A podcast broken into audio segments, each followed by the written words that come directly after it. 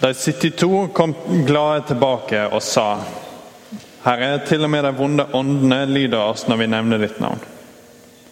Da sa han til dem, Jeg så Satan falle ned fra himmelen som et lyn. Ja, jeg gir dere makt til å trakke på ormer og skorpioner og makt over all fiendens velde. Og ingenting skal skade dere. Og likevel, gled dere ikke over at åndene lyder dere, men gled dykk over at navnene deres er innskrevne i himmelen. I samme stund jubla han i Den hellige ande og sa:" Jeg lover deg, Far, Herre over himmel og jord, fordi du har løynt dette for vise og forstandige, men åpenbærer det for umyndige små. Ja, far, for dette var din gode vilje. Alt har far min overgivet til meg. Ingen veit hvem sønnen er uten Faderen, og ingen veit hvem Faderen er uten Sønnen og den Sønnen vil åpenbære det for. Da de var alene, vendte han seg til læresveinene og sa:" Sele de øyne som ser det de ser. For jeg sier dere, mange profeter og konger ville gjerne se det som de ser, men fikk ikke se. Og høre det som de hører, men fikk ikke høre. Ta en kikk på vers 17. Da 72 kommer tilbake. Så Jesus har som kjent et sett med disipler med tolv. Men så er det en større gjeng rundt dem igjen, som i kapittel 9 i Lukas blir sendt ut for å gjøre ting som Jesus setter til. Og nå kommer de tilbake og er veldig fornøyde. Så vers 17. Da 72 kom tilbake og sa Herre, til og med de vonde åndene lyder oss når vi nevner ditt navn. Så jeg er kjempefornøyd. De er på et oppdrag fra Jesus, og det har gått kjempebra. De har fått oppnådd det de skulle. De har fått prøvd ut hva som skjer når de nevner Jesus sitt navn. Til og med de vonde åndene, demonene, hører på dem og gjør det som de sier. Så de har hatt en stor seier, egentlig. De har oppnådd det de ville med religionen sin, kanskje. De har fått en beskjed fra Jesus, de har gått ut, og ting ser bra ut. Og Jesus bekrefter det. ikke sant? Han sier jeg så Satan falle ned fra himmelen som et lyn. Her er et av punktene der du ser at Jesus er Gud. Hvem andre var det som så dette? Men han har sett Satan falle, og nå ser han litt av resultatet av det også. Ja, Jeg gir dere makt til å trakke på ormer og skorpioner, som ofte var tegn på ondskap. Naturlig nok. Hvis du skulle valgt et dyr for å symbolisere ondskap, så hadde du kanskje valgt en slange og en skorpion. Du hadde ikke valgt en kvalp og et lam. Eh, så de har fått makt over det vonde. Og de er kjempeglade. Jesus har bekrefta det, og ting ser bra ut. Men så tar Jesus det et skritt videre. Han sier Og likevel, gled dere ikke over at åndene lyder dere, men gled dere over at navnene deres er innskrevne i himmelen.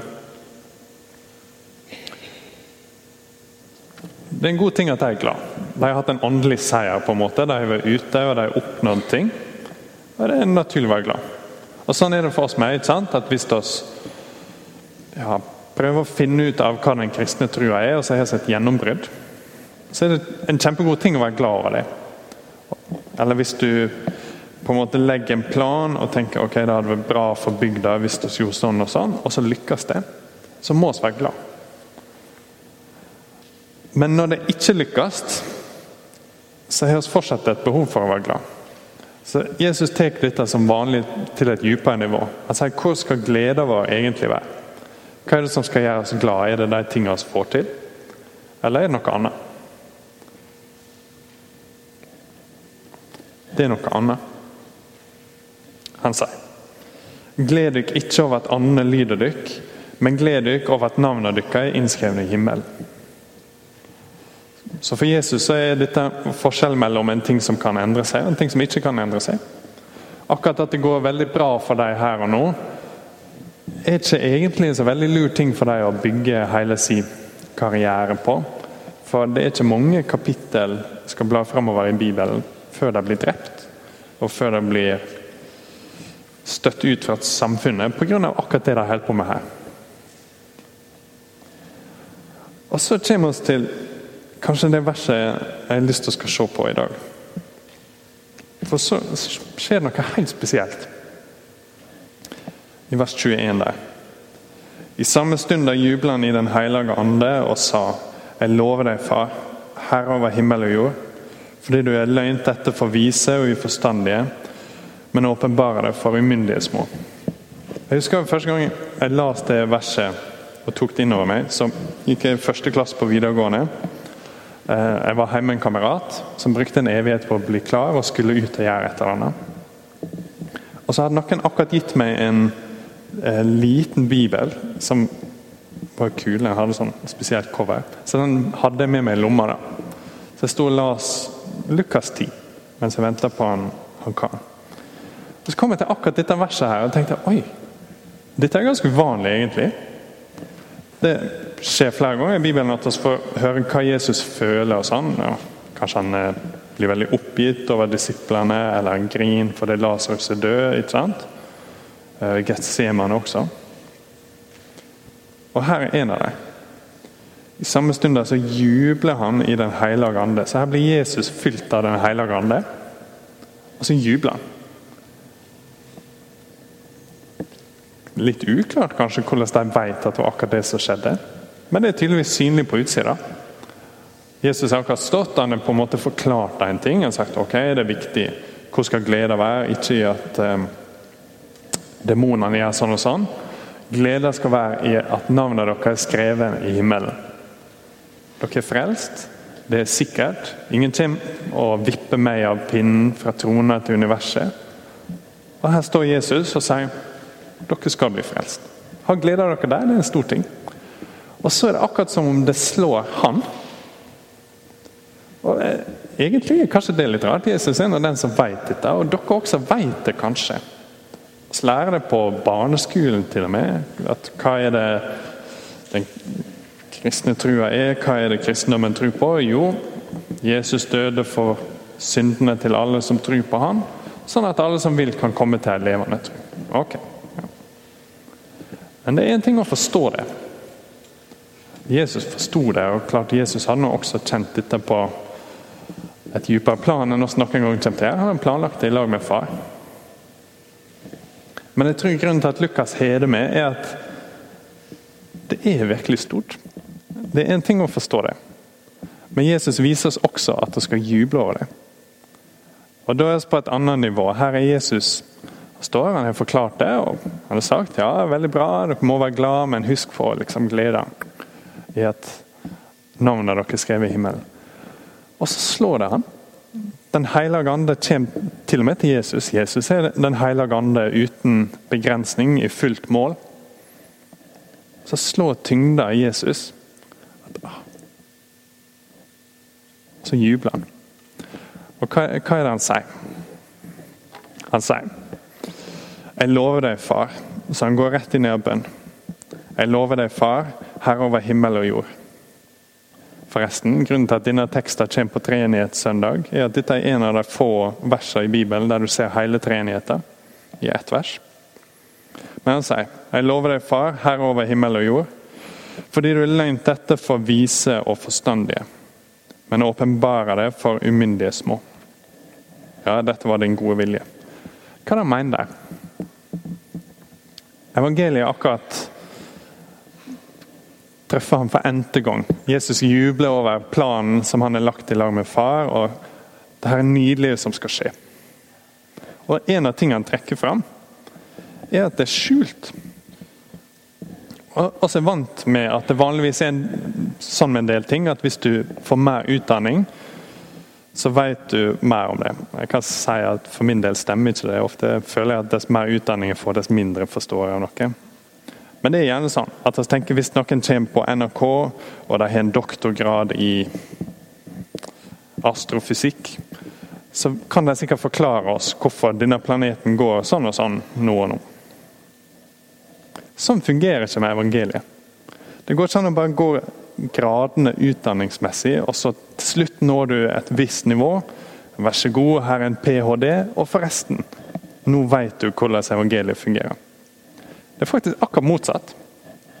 Jesus sier at det i utgangspunktet er skjult for de som er vise og forstandige og som klarer seg sjøl. Jeg trenger ikke at Jesus skal forklare noe til meg. Jeg har studert så og så lenge og tjener så og så masse, eller har så og så mange følgere på et eller annet sosialt medie, så derfor går det fint. Hvis det er tilnærminga vår eller disiplene sine, så kommer de aldri til å forstå. De kommer aldri til å juble i Den hellige ande. For det trenger noen utenfra, oss trenger noen utenfra som kan forklare det til oss. Og Det er derfor Jesus går rett videre til det neste han sier. Alt har far min overgivet til meg. Ingen vet hvem sønnen er uten far. Og ingen vet hvem far er uten sønnen, og den sønnen vil åpenbære det for. Så Uten at Jesus kommer og forklarer hvorfor det han står der og jubler, hva er det egentlig som er så spesielt og flott her, så er det skjult for oss. Vi kan ikke bare ja, sette av et par dager og så knekke koden, på en måte. Sånn som du kan gjøre med, med bondesjakk, f.eks. Bondesjakk kan du bare sitte litt. Du kan tenke ut alle mulighetene. og så, ok, nå kan jeg bondesjakk. Sånn fungerer ikke evangeliet. Her er noe som er så stort og så vakkert at det er skjult for oss. Så hva skal vi gjøre? Se hva Jesus sier en gang til i vers 21. Han sier at ja, det er løgn for de vise og forstandige, men det er åpenbæra for de umyndige små. Som sikkert var ganske artig når han sa det, for han står og snakker til eh, de 72. ikke sant? De er kommet og er veldig fornøyd med seg sjøl. Yes, og så har jeg endelig klart det. Så jubler Jesus, og så går han inn i denne bønna og så sier han, men du er vist det for disse umyndige små. Da ser jeg for meg at de kanskje snur seg litt og lurer på hvem er disse umyndige små han snakker om. Til oss iallfall. Og så når han kan komme tilbake fra den turen, og så fiksa masse, og nå er ting på plass for oss. Tenk hvor imponert Gud er over oss, og så kan han si Jesus sitt navn, og så skjer det ting. Men han tenker på deg, ikke sant? Han tenker på oss. I oss sjøl så har ikke oss en åndelig status som er god nok for Gud.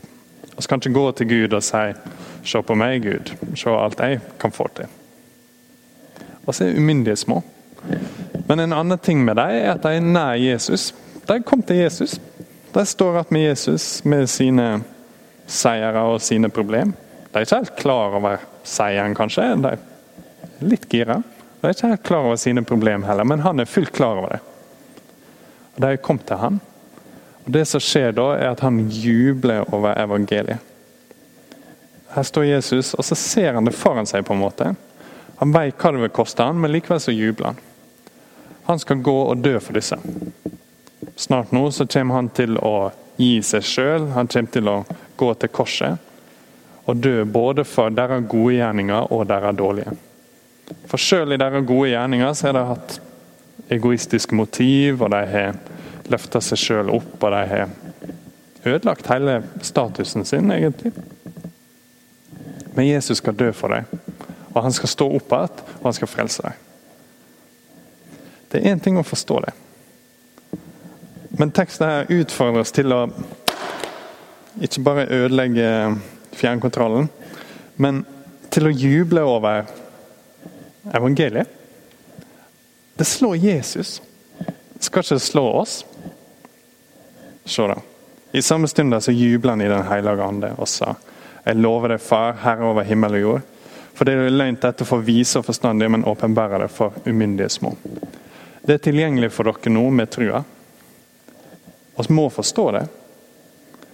Men den jubelen, den er ikke der hver dag. Kan hende den bare kommer en gang i livet. og sånn sett, Også med Jesus så ser ikke at han går rundt og smiler hele tida og på en måte jubler. Av og til er han trist.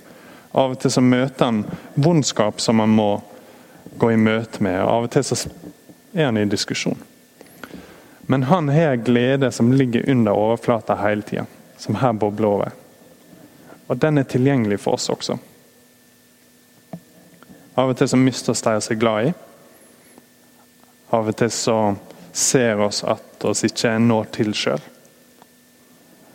Og da heller ikke med vanlig glede. Da er det ikke nok med jubel som kommer fordi fotballaget ditt vant, eller fordi det er fint vær enda en dag.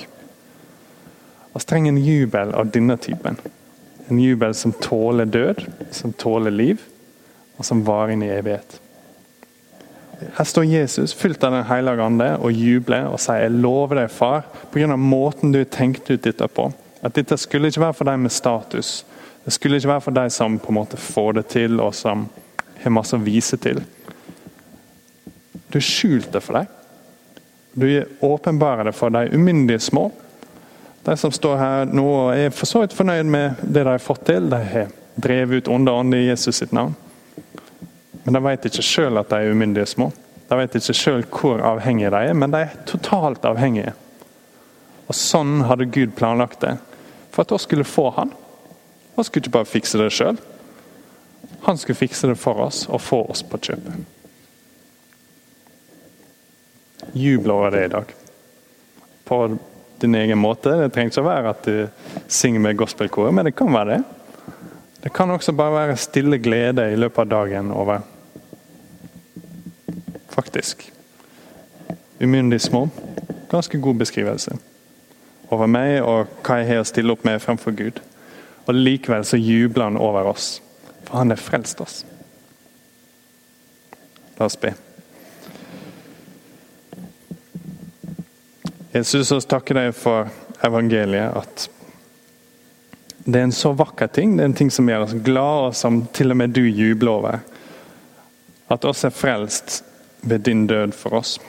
Så vi kommer til deg nå og ber om den gleden som er djup, og som varer gjennom ulike humørsvingninger. At du er god, at du er evig, og at du er vår frelser. Amen.